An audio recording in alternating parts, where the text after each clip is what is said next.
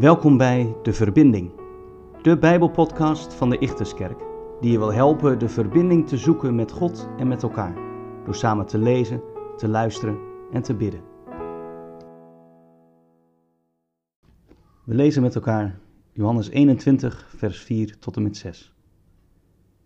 Toen het al ochtend werd, stond Jezus op de oever, al wisten de leerlingen niet dat het Jezus was.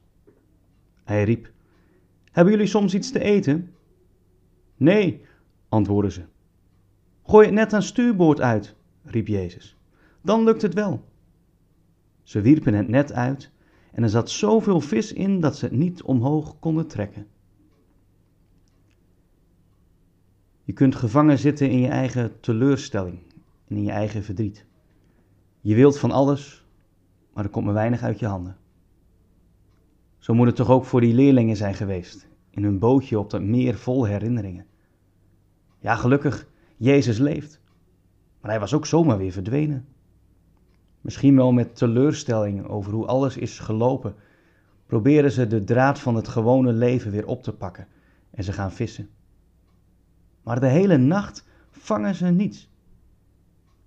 Dan is daar opnieuw de Heer Jezus. Hij laat zijn leerlingen niet maar wat aanmodderen, maar komt ze te hulp. Door zijn aanwijzingen te volgen, komen ze met gevulde netten weer aan land. Het is die nacht niet alleen donker op het meer, maar ook donker in het hart van de leerlingen. Omdat ze niet goed weten hoe het nu verder moet met henzelf en met het koninkrijk waar Jezus over gesproken had. Ze hebben het nodig dat Jezus hen bevrijdt uit hun onzekerheid en onwetendheid. Op deze bevrijdingsdag, waarop we vieren dat we al 75 jaar in vrijheid mogen leven, is het ook goed om stil te staan bij de bevrijding die Jezus ons wil geven. Ja, Hij bevrijdt ons van zonde, van schuld en van dood.